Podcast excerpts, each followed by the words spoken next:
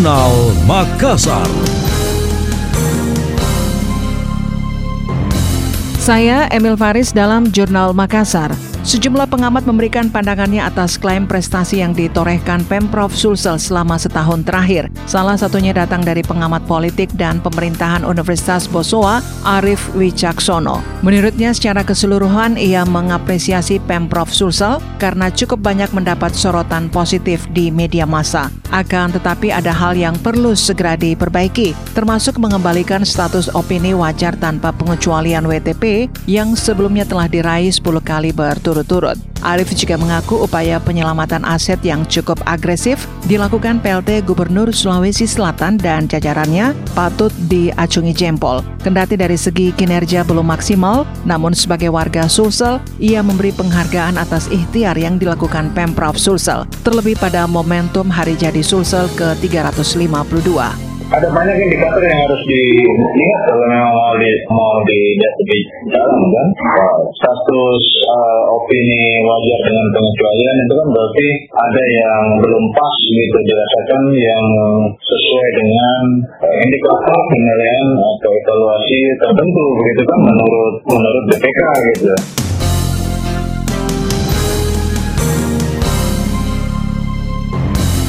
Terpisah pengamat keuangan negara Bastian Lubis menilai kinerja keuangan Pemprov Sulsel masih sangat amburadul. Hal itu dikarenakan banyak kegiatan yang dilaksanakan tidak ada dalam APBD pokok maupun perubahan. Tidak heran BPK menurunkan opini Sulsel dari WTP menjadi wajar dengan pengecualian WDP berdasarkan laporan hasil pemeriksaan 2020.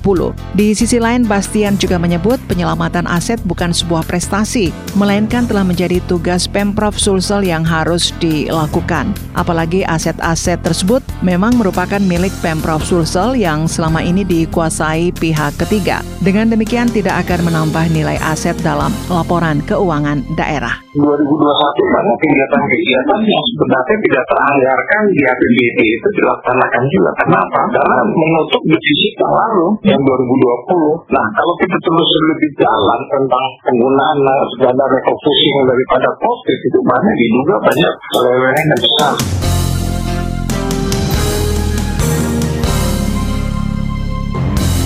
Lebih jauh, Bastian menambahkan masalah lain adalah ketidaktransparansi Pemprov Sulsel dalam mempublikasi laporan keuangannya. Padahal itu menjadi sebuah barometer penilaian kinerja Pemprov Sulsel. Anda masih mendengarkan Jurnal Makassar dari Radio Smart FM. Kondisi COVID-19 Sulsel yang semakin terkendali membawa angin segar bagi bisnis perhotelan. Setelah sebelumnya sempat mati suri, bisnis perhotelan di Sulsel kini perlahan mulai bangkit. Hal itu diakui Ketua Perhimpunan Hotel dan Restoran Indonesia PHRI Sulawesi Selatan, Anggiat Sinaga. Ia menyebut tahun lalu bisnis perhotelan banyak yang terpaksa gulung tikar sebagai dampak pandemi COVID. Sementara tahun ini bisnis hotel bergerak lambat antara 10 hingga 20 persen. Anggiat menjelaskan jika bisnis bisnis perhotelan dan restoran mulai menggeliat, maka akan kembali menyerap tenaga kerja yang selama ini banyak dirumahkan.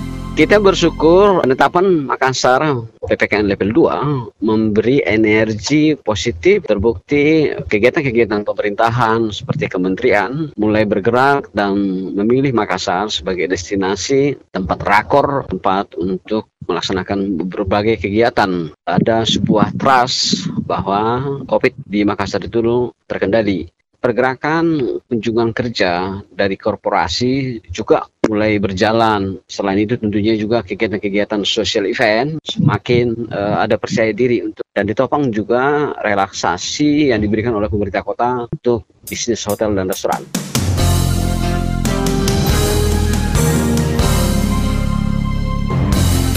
Hal sama dirasakan para pengusaha yang tergabung dalam Asosiasi Pengusaha Indonesia, Apindo Sulsel. Ketua Apindo Sulsel, Latunreng mengaku, pasca turunnya level PPKM menjadi zona kuning membuat pengusaha semakin optimistis. Hal tersebut ditandai perputaran roda perekonomian Sulsel yang semakin terlihat dari hari ke hari.